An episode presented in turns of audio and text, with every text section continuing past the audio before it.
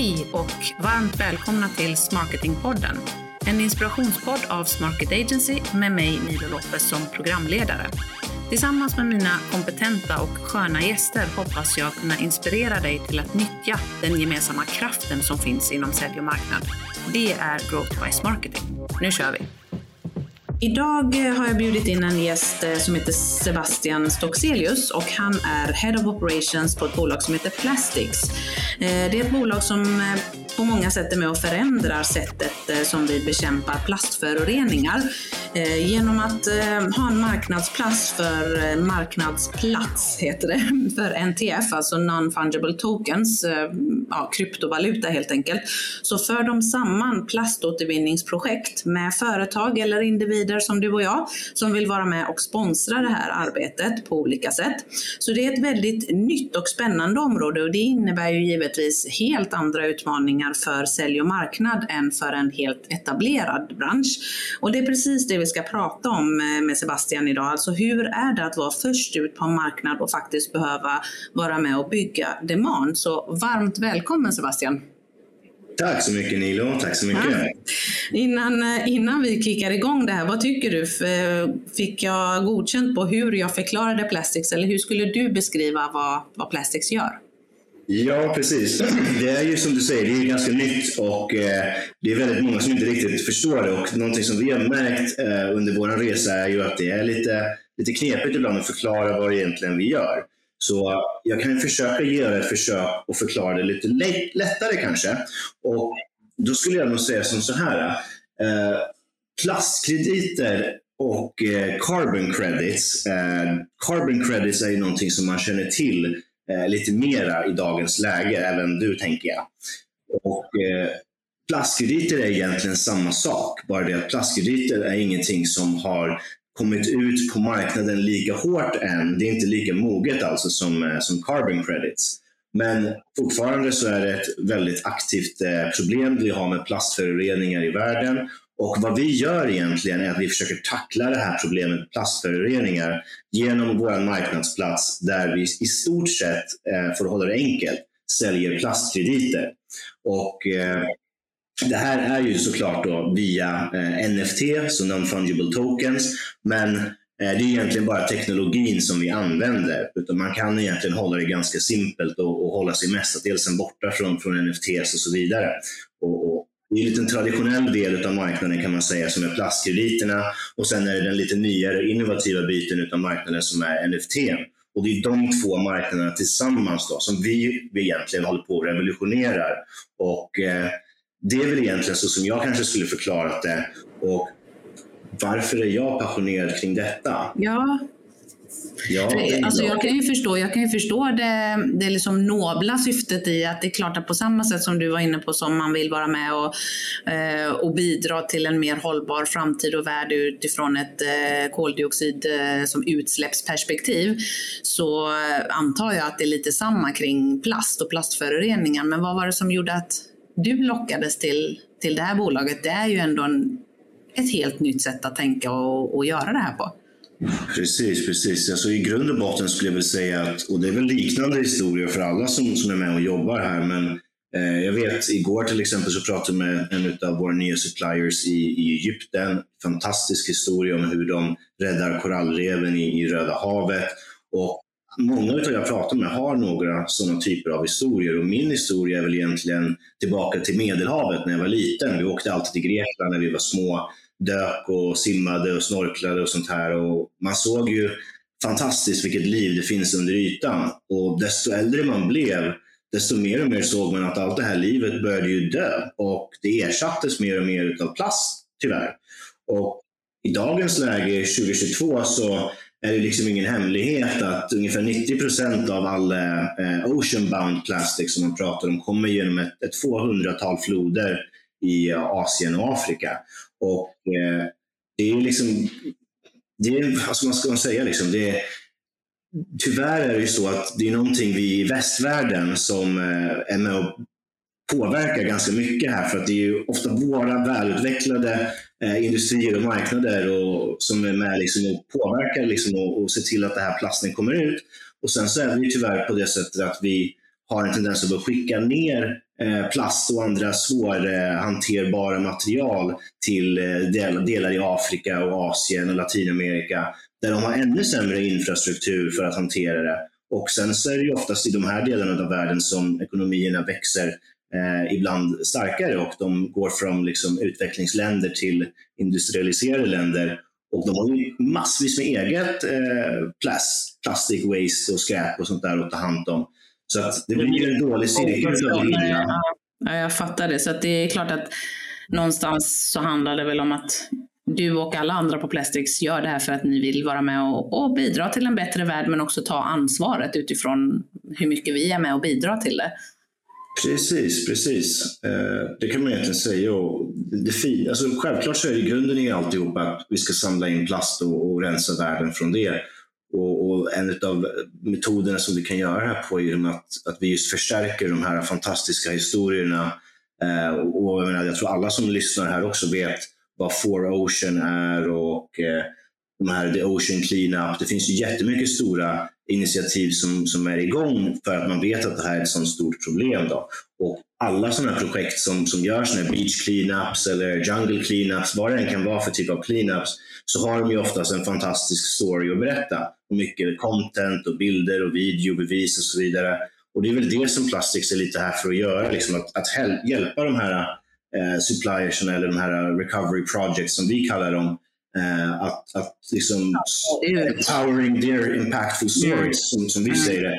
Jag har ju bott utanför Sverige nu i över tio år här så att min svenska är ibland lite rostig. Så ibland så kämpar jag på att hitta de svenska orden. Det är helt okej, okay, för i, i den världen vi ska gå in och prata lite mer om nu då, sälj och marknad, så är vi ju väldigt vana vid svengelska, så att eh, det är helt okej. Okay. Men jag tänkte om vi tar och dyker in i ämnet då, som är att vara först ut på en marknad. Ni är ju då relativt ensamma eh, om det ni gör, kanske till och med helt ensamma inom vissa delar av det ni gör. Vad tycker du, vad innebär det för utmaningar för, för er som organisation? Precis, bra fråga. Så självklart så är det ju svårt när man inte har någon som har gjort det tidigare, för man vet ju inte riktigt vem man ska titta på och vem man ska försöka efterlikna. Och inom sälj så har jag ofta tänkt, i alla fall sedan jag gick in på mitt första säljjobb, att jag ska identifiera den bästa säljaren och sen kopierar jag vad den personen gör och sen gör jag det bättre själv. Och den möjligheten hade inte vi riktigt på det här sättet, utan och som jag nämnde lite tidigare, vi är egentligen på två olika marknader kan man säga. Vi är på den traditionella plastkreditmarknaden eh, som vi vill revolutionera och så är vi på NFT-marknaden som vi vill revolutionera. Och de här är ju väldigt separata marknader om man säger så. Så utmaningarna för oss har ju blivit att försöka titta vad finns det för NFT-marknadsplatser där ute som vi möjligtvis kan efterlikna oss till? Och där har vi ju inte hittat någonting riktigt som har varit i alla fall stort eller relevant nog att titta på. Eh, sen så ska man ju nämna också att det finns ju hundratals nya små marknadsplatser eh, som, som växer framåt. Då. Eh, men de har inte så mycket traction. Och sen så när vi kollar på plastkreditmarknaden, då har man ju lite lättare för sig eftersom att det är en mer traditionell marknad och kolla vad folk gör där. Men utmaningarna kort och gott har varit att du måste hitta vägen själv och våga göra fel och testa dig fram och prata med, med inte bara kunder, men, men suppliers och så vidare. Eh, och, och var ödmjuk och ställ frågorna och hör deras feedback. Det är så egentligen vi har byggt oss fram under de första, säg lite mer än det första kvartalet. Bara prata med folk och ställa frågor och eh, försöka få deras insikt om, om vad vi ska göra. Vad är det som är viktigt för dem? För i slutändan så är det ju dem vi vill få som kunder om man säger så. Ja, absolut. Och egentligen är ju det en superrelevant och viktig eh, utmaning eller möjlighet för alla, även mer etablerade branscher och, och, bolag, att, att faktiskt våga prata med dem man vill sälja till, dem man vill samarbeta med. Men som du är inne på, i ert fall så har ni ju inte något annat val, för ni kan inte bygga målgruppen, bygga strategin, bygga ert tillväga, tillvägagångssätt på, på hur andra har gjort och lyckats, utan ni har helt fått, fått sätta det från grunden. Men om du tittar på just sälj och marknadsorganisationen då, vad, vad ställer det för krav på din sälj och marknadsorganisation att, att få göra allt det här grundjobbet? Var, vart började ni när det gäller sälj och marknad? Bra fråga igen. Eh, jag skulle säga eh, eh, ett, ett samlingsord för det hela är egentligen att vara flexibel. Och när man framförallt jobbar i en, en startup eh, inom tech och, och, software och sånt där. Det, det gäller ju att, att ja, man, man, måste ju gasa på självklart. Man kan inte stå stilla liksom. Och, och, det gör ju också att man måste vara otroligt flexibel i att kunna se och planera på eventuella hinder och framgångar och försöka vara eh, agile nog för att kunna göra om det och göra pivots hela tiden baserat på vad man upptäcker. Eh, till exempel på, på sälj och på marknadsbiten så gick vi ut ganska hårt i början på att om en företag eh, vill och behöver kompensera för sitt eh, footprint of plastic, sitt eh, plastavtryck helt enkelt på miljön. Eh, en kombination av olika lagar och regler som finns på EU-nivå och diverse också som vi försökte hitta vår väg in genom. Och efter några månader så, så kom vi väl kanske lite fram till det att kanske inte riktigt det är det här som, som vi ska göra i första hand, att ringa till företag och, och be dem att kompensera för någonting som de gör för att driva sin business. Och då ändrade vi lite om det till att tänka varför skulle de vilja eh, investera i en sån här eh, cause, eller vad man ska säga, eh, utan att känna att det är någonting de måste göra. Och Det var där vi kom på lite mer det här med social media selling och att låta de här företagen eh, ja, nu saknar jag det där ordet på svenska igen, men to empower uh, their own impactful stories genom att berätta för deras kunder, för deras followers på social media och så vidare att, att de är minsann med också och gör någonting rätt för miljön, sponsrar projekt i, i olika delar av världen och, och demonstrerar det här på ett väldigt transparent sätt. Eh, så det var den vägen vi valde att gå in lite mer på senare då, eh, efter de första månaderna och, och, det var egentligen återigen baserat helt och hållet på, på kundernas feedback om man säger så. Ja, och det tror jag är ganska vanligt, för det du säger egentligen att ni började med piskan, att eh, tala om vilka regelverk och vilka krav som finns som gör att faktiskt bolag måste ta tag i och göra detta. Och sen när ni märkte att det kanske inte når fram riktigt lika mycket, så vände ni på den steken och tänkte att ja, men vilka möjligheter har bolag att, att nyttja det här? Och då är det ju lite som många andra inom hållbarhetsområdet, där man tittar på vilka, vilka affärsmöjligheter finns det för mig som bolag om jag tar det här ansvaret? Jo, jag kan attrahera nya, fler talanger, jag kan eh, samarbeta med fler, jag kommer få fler kunder och samtidigt så följer jag regelverket. Så att det blev lite att ni vände till morötterna istället. Precis, helt riktigt. Och jag kan tillägga att vi sitter fortfarande och tittar på regelverket och vi pratar med många institutioner för att övervaka och se när är det rätt läge att gå ut på marknaden igen med en, ett sånt typ av budskap. Men det är ingenting som vi kommer att ligga bakom utan vi kommer snarare vara verktyget som finns där när mm. institutioner och regeringar ställer de kraven om man säger så. Mm, nej, jag fattar. Men om man tänker eh, tillbaka till vad det ställer för krav på en, på en sälj och marknadsorganisation som ska bygga demand. Så det jag hörde dig säga är att vara ännu mer flexibel än eh, i marknader som redan är etablerade för att ni behöver helt enkelt testa er fram jättemycket mer än i etablerade marknader.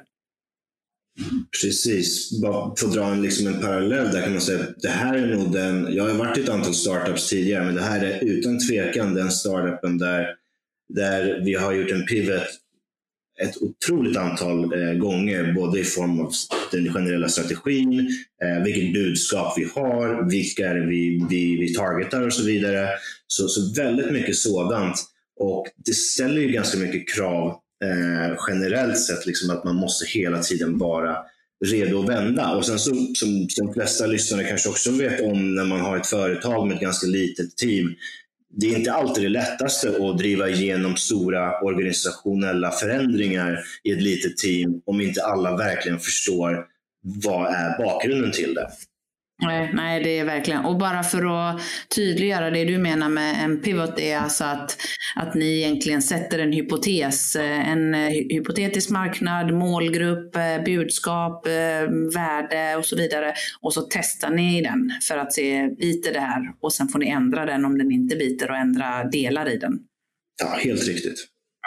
Ja, men det, för det tror jag är, det är ju jättevanligt i startup-världen att man jobbar eh, med pivots liksom, eller eh, business case på olika sätt. Men jag tror faktiskt att fler och fler etablerade sälj och marknadsorganisationer skulle kunna lära sig av det arbetssättet också och kanske jobba just i eh, agila kortare projekt och göra det som vi pratar om. En AB-test är ju egentligen lite det. Man har en hypotes om att något skulle funka bättre än det andra och så testar man sig fram kring det. Precis, precis. Det låter rimligt. Eh, men du Sebastian, du sa att det är inte helt enkelt med ett litet team och när man då behöver ändra. Och då tänker jag så här, när du då skulle sätta ihop, eh, bygga det här dreamteamet, eh, om vi då fokuserar på sälj och marknad, hur tänkte du? Vad, vad tänker du att det här är vad jag behöver i roller, funktioner eller hur, hur, hur byggde du ditt team? Ja, jag skulle väl säga att I'm still building it. I'm still building it. Eh, så det är väl egentligen så här, och det tror jag alla kan uppskatta, att när man är en startup så har man ju inte alltid obegränsat med pengar. Och hade man haft jättemycket pengar så hade man kunnat anställa det bästa av det bäst och, eh, och sen bara förväntat sig att alla kan sitt jobb. Men när man inte har så mycket pengar så måste man anställa Eh, folk som, som inte liksom har alltid den typen av erfarenheten och eh, kapaciteten, utan man måste jobba mer på, på individen och förbättra individen och lära känna liksom folket, hur man kan optimera prestationerna av en individ. Och Det är ju självklart en utmaning liksom som jag tror många faktiskt mindre företag går igenom. Eh, och det har inte varit annorlunda för oss heller. Vi har haft både inom säljbiten och inom marknadsbiten så, så är det liksom många tillfällen där vi känner att okay, vi behöver egentligen ha mer resurser här, eller vi behöver ha bättre resurser här för att kunna genomföra det vi vill. Och Sen måste vi såklart vara realistiska och tänka, kan vi, kan vi ens utföra det här själva? Kanske vi behöver anlita någon annan. Och Det är ofta så det, som det blir också, så att vi tar ju in eh, expertiser då från, från olika håll, eh, agencies och så liknande, Eh, för att hjälpa oss med specifika uppdrag som, som vi inte känner att vi kan antingen ha tid till själva eller som vi har kunskap till själva att rodda. Så det är en konstant process att bygga teamet, men egentligen i grund och botten så tänkte jag väl egentligen att vi måste ha folk som kan vara så pass flexibla att de, först och främst drivet. För att när man jobbar i en startup och som säljare, det finns liksom inga några commissions och sånt där att betala ut förrän du har ett riktigt proven concept. Och då måste du ha folk som är drivna och villiga till att jobba utan den eh, ekonomiska moroten under en period.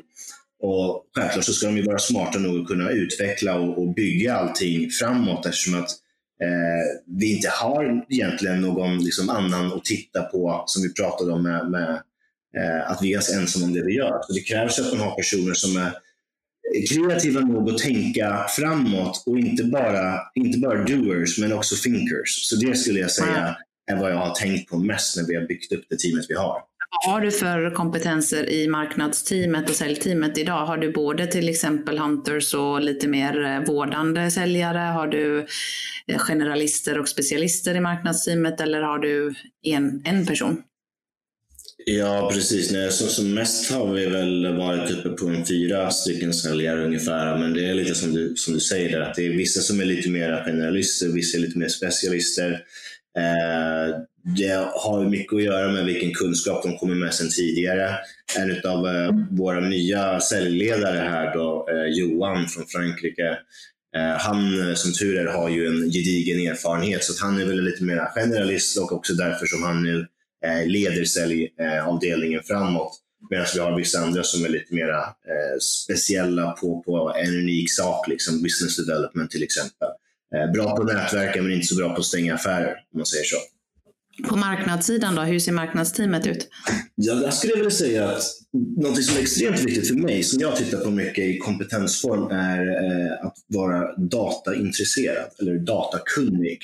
Eh, min egen erfarenhet av att ha jobbat mycket med marknadsföring, framförallt digital marknadsföring för stora bolag, är ju att liksom om du inte kan datan, om du inte kan siffrorna, så då, då har du liksom ingenting att backa upp det du, du gör. Och där är väl någonting som jag har känt att vi eh, internt inte riktigt har bemästrat all vår data sedan starten och eh, det gör ju också att många saker som Eh, till exempel viss typ av eh, inbound eh, marketing och så vidare.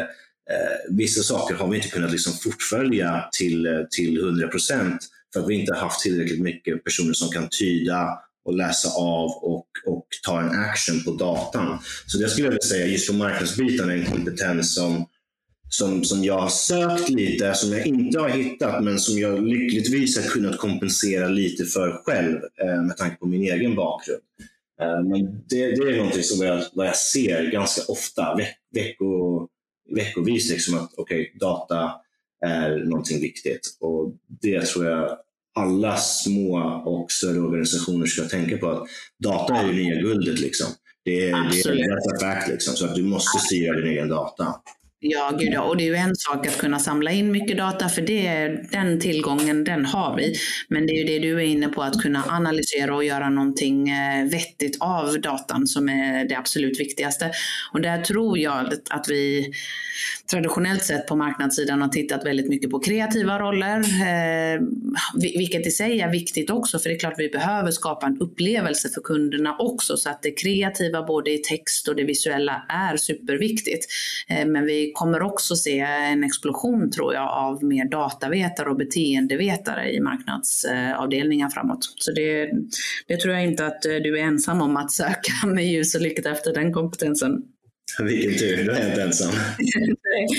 Eh, men eh, Sebastian, vad har ni för sälj och marknadsstrategi idag? Eh, skulle du säga när ni fortfarande är då relativt ensamma på marknaden och, och tror du att den, den strategin kommer ändras längre fram när det kommer in fler spelare? Ja, för, för att börja lite med den andra frågan så kan man ju säga att jag skulle alltid vara flexibel till förändringar men sann i grunden. Och vad menar jag med det egentligen? Jo, jag menar att varje sälj eller transaktion på Plastics ska bekämpa plastföroreningar någonstans i världen. Uh, that's a fact. Sen uh, liksom, att vara flexibel i att komma fram till det målet, absolut. Det kommer vi alltid att vara. Vi, vi kommer alltid behöva göra liksom ändringar allt eftersom att vi växer och vi tacklar nya marknader och så vidare. Sen när det kommer till säljstrategin idag, om man skulle börja där, så skulle jag säga att faktiskt precis innan det här samtalet så satt vi och eh, eh, hade en liten workshop angående våra paket som vi säljer. Och Det är faktiskt en ganska ny, ny grej som vi har kommit fram till sedan knappt, ja, cirkus en månad tillbaka ungefär.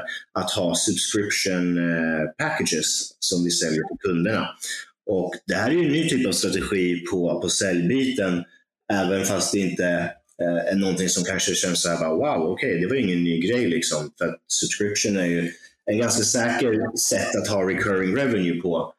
Eh, men för oss så har det varit en ganska stor skillnad. För att i början så var det ganska svårt att få kunderna att förstå vad är det de egentligen får och vad är det de egentligen betalar för. För, att för en kund, att om, om de köper en plastkredit, menar, det är ju en sak. Men köper de liksom social media content, det är ju en annan sak. Men köper de en service som kan hjälpa dem mot deras eh, ESG goals till exempel, eller deras social development goals, eller sustainable development goals, alltså, då är det helt plötsligt en helt annan grej. Så det beror ju lite på eh, hur, hur starkt kan vi dra in det här företaget i oss och det är det som avgör lite strategin och det är därför vi har kommit fram till de här paketen för att försöka förenkla det och förenkla och förenkla det för företagen så att det blir lättare för dem att kunna portionera upp vad det är egentligen de köper och får i vår tjänst. Och det är, ja, det är supersmart. Just paketeringar är ju en, en väldigt smart eh, strategi. Och om du tittar på marknadssidan, då, vad har du för marknadsstrategi idag för att nå ut med det här budskapet? Det är ju faktiskt en ännu mer uh, intressant fråga. För att där skulle jag vilja säga att just på marknadssidan har väl vi varit lite eftersläpande kan man nog säga, för att vara helt ärlig. Uh, vi har gjort uh, lite olika tester, självklart på olika marknader. och olika budskap återigen. Men, men vi är liksom lite utspridda just nu på i, i USA, i, i södra Europa, i norra Europa, i Asien och så vidare. Så att just nu så skulle man se, om man går in och analyserar vår webbsida, att vi är väldigt utspridda. Men vår strategi som vi håller på att adaptera nu kommer gå in mycket mer specifikt på några få marknader. För att nu har vi testat lite generellt så här under, under första, säg fyra, sex månaderna. Så vi har börjat bygga lite data och förståelse. De första kunderna har kommit in och sånt där. Så nu kan vi börja bygga en, eh, en riktig go-to-market-strategi baserat på fakta, baserat på data, baserat på research eh, och så vidare. Så att egentligen för att svara på din fråga, även fast det inte är riktigt sant, men jag skulle nästan vilja påstå att vi har inte haft en jättestark marknadsstrategi eh, fram, till, fram till idag och den är väl fortfarande egentligen i, i working progress. Och Det är lite konstigt kanske när man sitter som en startup och säger att man inte har någon riktig marknadsstrategi, men det har varit lite så. Och självklart, men alltså, som jag sa tidigare, jag har ju bakgrund i marknadsföring, vi har ju marknadsföringsfolk här också, så vi har ju inte liksom jobbat i blindo om man säger så. Men inte liksom en marknadsstrategi så som jag skulle vilja tänka på en marknadsstrategi som verkligen tar in just fakta, research och data i, i, i perspektiv. Eh, om du förstår vad jag menar, jag vet inte om det är särskilt ja, klart. absolut. Jag tänker, eh, ni, har ju, ni har ju förmodligen växt ganska mycket på nätverk och på outbound-aktiviteter i början, alltså rent eget sälj. Om du mm. blickar fram lite, tror du att ni kommer att jobba bara inbound, bara outbound eller alltid en kombination av dem? Eh, kombinerat kommer det absolut att vara, men den absolut starkaste sidan som vi går till när vi kommer ut ur vår building phase och kommer lite mer till scaling eh, är ju automatisation. Och vi vill ju såklart få allting så mycket som det bara går automatiserat. Eh, tittar man på till exempel OpenSea som är världens största NFT-marknadsplats så tror jag de har cirka ungefär 40 personer eh, som jobbar där. Eh, och vi har väl en tanke om att inte vara särskilt mycket fler än så heller. Och då vill det till att man automatiserar så mycket som möjligt så att kunderna kan komma in och signa upp och så vidare. Och allting handlar om att bygga processer. Liksom. Ja, absolut. Ja, det tror jag 100%. Så att ni kommer satsa på inbound och outbound tror jag även framåt med så mycket som möjligt att automatisera både sälj och marknadsprocessen då? 100 procent, 100 procent. Sen så, som en gammal säljare och har haft många liksom callcenter och sånt där så skulle man ju självklart vilja testa kanske lite outsourcing också, men det är mycket längre fram i tiden. Man vill ju se vad, alltså för vi tror att det här, så länge vi har byggt processen och byggt grunden, så tror vi att det här är en ganska schysst sak att, att, att prata om och sälja och för företag att engagera sig med. Eh, just eftersom att det är väldigt, eh, det är väldigt eh, vad ska man säga, top of the mind i dagens läge om man säger så. Gud, det tror jag. Ni har helt rätt. Ja, vi var inne på i New York här för några månader sedan uppe på en, en av de här två stora företagen som basically äger världen. Eh, ska inte nämna några namn här, men de sa det eh, att de nästa liksom, tio unicornsen eh, av liksom, stora företag kommer vara just sådana här små tech-startups som tacklar just ESG goals och eh, hjälper företag att bli mer sustainable genom teknologi. Så man vill ju tro att det är rätt svårt. Ja, det tror jag definitivt. Jag tror att för er del så handlar det om, det, det, återigen tillbaka till att det är ju ett nobelt syfte. Hållbarhet är superhett inom alla områden. Liksom, så att jag tror för er del handlar det precis som du säger att testa er fram till rätt värdebudskap. För ni skapar ju värde både hos företagen som då får eh, funding för sina projekt men också hos individer eller företag som vill vara med och stötta de här eh, projekten. Så att det handlar ju mer om att nå ut med värdebudskapet. Så den kommunikationen, både digitalt och det analoga, det är ju det som är superviktigt för er. Precis. Men om vi, om vi tittar liksom på den här resan ni ändå har gjort hittills, vad, vad skulle du säga är de största utmaningarna som du har stött på hittills? Ja, då skulle jag nog egentligen börja börja med att bara snabbt säga liksom att lite min bakgrund är just sälj och marknadsföring. Men det vi jobbar med här är ju mycket sustainability, det är mycket recycling, det är mycket plast, det är olika plasttyper, eh, upcycling, reuse och så vidare. Eh, och det är ju helt nytt för mig. Jag hade aldrig riktigt, riktigt tänkt så mycket på, på alla de här bitarna i detalj förrän jag hoppade på och började jobba med plastics. Och när man är säljare så vill man ju vara bäst på det man gör. Man vill ju kunna eh, allting för att kunna liksom alltid möta argument och invändningar och så vidare. Ta mig tillbaka till när jag började som säljare i utlandet för första gången som sålde elavtal. Lärde mig allting om elmarknaden, om Nordpol och pris, elprisområden och så vidare. Och det var egentligen samma sak som jag gjorde här med, med Plastics. Jag eh, gick ut och började prata med diverse olika företag, eh, pratade framförallt med kunderna och hörde från kundernas sida Nej, men det, här, det här kan man liksom inte återvinna och det här plasten, eh, den här typen av material innehåller så många olika typer av eh, plaster och liknande så att det kan man liksom inte göra det ena eller det andra med. Så att utmaningen som jag mötte från början var egentligen brist på kunskap och känna att en, en, en, en majoritet av företaget hade en väldigt gedigen businessbakgrund men inte så jättemycket bakgrund i just eh, sustainability.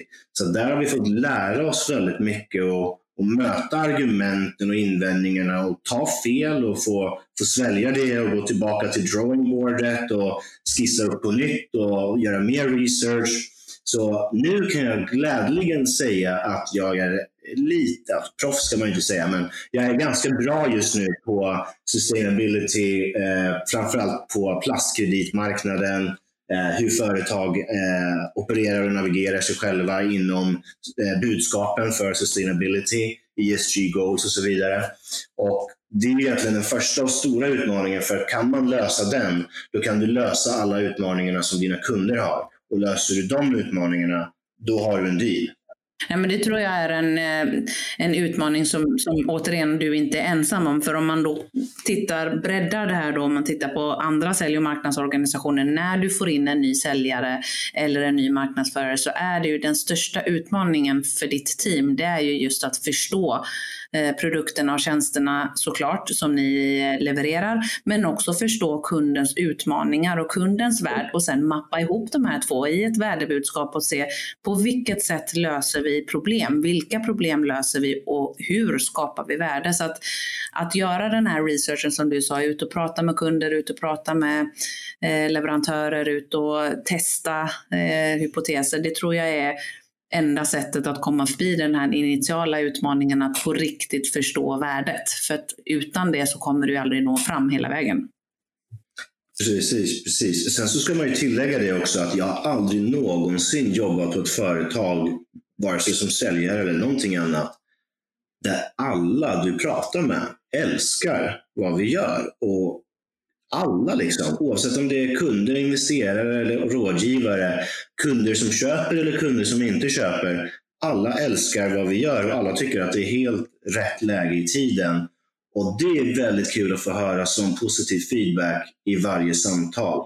Så att det är inte så mycket en utmaning, men det är en motivation som hjälper en att möta alla typer av utmaningar. Absolut, ja det är ju verkligen guldkant på dagen. Men vad skulle du säga under den här tiden som ni har testat nu, vad, vilka, vilken eller vilka kanaler fungerar bäst för er ur ett marknadsperspektiv? Mm, den är intressant. Jag skulle säga LinkedIn utan tvekan när det kommer till att eh, engagera företag, givetvis. Det kanske säger sig självt också. Eh, tittar man på LinkedIn som en organisk kanal och som en betald kanal så har vi sett mest resultat där och det är väl ganska obvious med tanke på att vi riktar in oss till, till företag som i sannolikhet har LinkedIn om man säger så. Eh, sen så kan man ju tillägga det och det kanske man inte ska säga men vi, eh, vi har ju en token eh, så att säga. Vi har ju Plastic. Eh, Plastic är en token, alltså en kryptovaluta som du var inne på i början. Och när vi startade Plastic så Eh, skickade vi ut eh, sådana här tokens till en del av eh, våra användare, eller vad man ska säga, eh, våra holders som man säger inom, inom krypto, alltså sådana som håller vår token eller vår coin. Och Det här skickade vi ut till dem för att de skulle göra vissa eh, steg åt oss på nätet. Och Det här ledde ju såklart till att när du ger folk ett värde eh, online så attraherar du en, en viss typ av bottar och eh, fake eh, users kan man säga. Och eh, det skulle väl vara en, en, ett råd att don't do that helt enkelt. Eh, att ha bottar och annat skit på sina sociala medier, det kommer aldrig hjälpa någonting. Så av den anledningen så har vi sett i generellt sett över våra kanaler ett, ett lägre engagement än vad vi tycker är justified. Och Det här är egentligen för att vi har bra content, vi har bra budskap. Det är intressant för, för väldigt många, men vi blir tyvärr straffade av algoritmerna på flera håll eh, för att vi har många användare som, som inte egentligen är våra ultimata användare. Så det är en process som vi eh, jobbar med, i, i, på tal om utmaningar i kanaler, att rensa ut sådana här bottar och så vidare. Och eh, eh, När det kommer till de social media-kanalerna så är det definitivt LinkedIn, men också Google har funkat ganska väl för oss eh, på B2C-sidan som vi har gjort några tester på. Mm. Intressant. Eh, om vi skulle ta och runda av då med dina tre. Jag tror att vi skulle kunna prata om det här med att bygga demand och nya marknader i all evighet. Jag tror att jag får bjuda in dig en gång. Super, super intressant verkligen. Men jag tänker om du ska få summera då och ge mig dina tre diamanter. Så dina tre bästa tips till andra bolag som mer eller mindre är helt först ut på en marknad. Vad ska de göra då? Dina tre bästa tips? Okej, okay. så tre saker i, baserat på den resan jag har haft här med Plastics i alla fall, så skulle jag säga planera, gör din research och hitta din väg. Det tror jag är några ledord för mig. Hade vi haft de här ledorden mer tydliga från starten så hade vi utan tvekan varit sex månader längre fram i tiden idag. 100 mm. procent. Vad tänker du med ledorden? Är det bolagets syfte och värderingar du tänker? Eller vad, Nej, vad menar du? mer som man kanske borde tänka som, som ledning eh, i företaget eller som individ. Eh, jag har själv känt lite att vi har från starten haft lite bristfälligt ibland med det här med planeringen och göra researchen och hitta våran väg. Och det är därför som vi har, under tiden som jag startat i alla fall, som vi har gjort de här bitarna och tagit oss in på, på rätt väg så småningom. Men hade vi haft en starkare planering i början, hade vi gjort mer research i början innan vi började anställa liksom ett team och, och börja bygga upp det. Hade vi gjort de här sakerna bättre i början så hade vi hittat den vägen snabbare och inte behövt slösa så mycket resurser på att hitta den vägen. If it makes mm. sense. Ja, för att absolut, it makes perfect sense. För jag tror att det är precis en nyckel som jag hade hoppats att du skulle ta upp. För att jag tror också att man har så himla bråttom, vill komma ut, man älskar det man gör, eh, väldigt passionerad och särskilt inom eh, det här med purpose-driven eh, verksamhet som ni är inom, så vill man bara ut med det. Och då missar man lite den här strategiska och planeringsfasen och researchfasen där man gör den lite för snabbt. Eh, och då hamnar man i lägen där man kanske har fel personer anställda eller inte riktigt har eh, fullt bredden i sin eh, kompetensbas eller heller vet exakt vad man, ska, man säljer till de som vill köpa istället för de man vill sälja till. Så att helt, eh, helt enig med dig där om att planering, research, det leder till att du hittar din egen väg. Det tror jag. Precis, precis. Hade jag gått tillbaka i tiden och önskat någonting så hade jag önskat de tre sakerna. Ja, det är en riktigt fin önskelista. Sebastian, helt fantastiskt att ha dig med i podden. Mycket fina eh, tankar och eh, insikter tror jag som alla har fått med sig. Innan jag släpper dig för idag så ska du få tre stycken snabba frågor där du, ja, ett, inte har fått eh, förvarning. Du vet inte vad jag ska fråga och du ska tänka så mycket. Du ska bara Eh, nu är det strunta i planering och research. Nu är det bara svara med magen som gäller. Är du redo? Då kör vi. Då kör vi. Okej. Okay. Det här blir spännande. Ja. Sverige eller Spanien?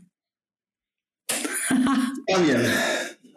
Vad Sa du Spanien? Jag sa Spanien. Jag var inne på Sverige där, men det blev Spanien. Jag är trots allt här. Du är svensk som bor i Spanien. Ja, jag, kan ju, jag kan ju förstå att man väljer Spanien. Nästa ja. då. Eh, hemmakväll eller utekväll? Hemmakväll. Hemmakväll. Mm, nice. Annars är ju en, en utekväll i Spanien, varma kvällar, eh, sensommaren är ju helt fantastiskt. Helt otroligt fantastiskt. Men när man har varit här i tio år så börjar man uppskatta mer och mer att vara hemma. Ja, jag fattar det. Och eh, vad dricker Sebastian helst på en AV? Gin and tonic gin and tonic. Gud vad många fler som börjar säga det nu. Och jag själv skulle också välja gin och tonic. En bra gin och tonic alla dagar i veckan. Kul! Ja, det känns som att öl det är alldeles för standard. Vin är ju gott, men om jag verkligen fick välja, om jag såg att det fanns en schysst bartender, så hade jag alltid tagit en gin och tonic. Snyggt. Med denna fantastiska GT så avrundar vi dagens samtal. Tack igen Sebastian för att du var med. Tack så mycket Lilian.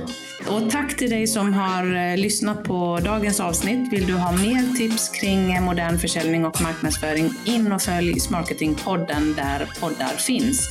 Eh, har du tankar och idéer om nya gäster, nya ämnen, så skicka ett mejl till oss på hej smarketagency.se. Eller så går du in och skriver till oss på Facebook, Instagram eller LinkedIn. Vi hörs snart igen. Hej då!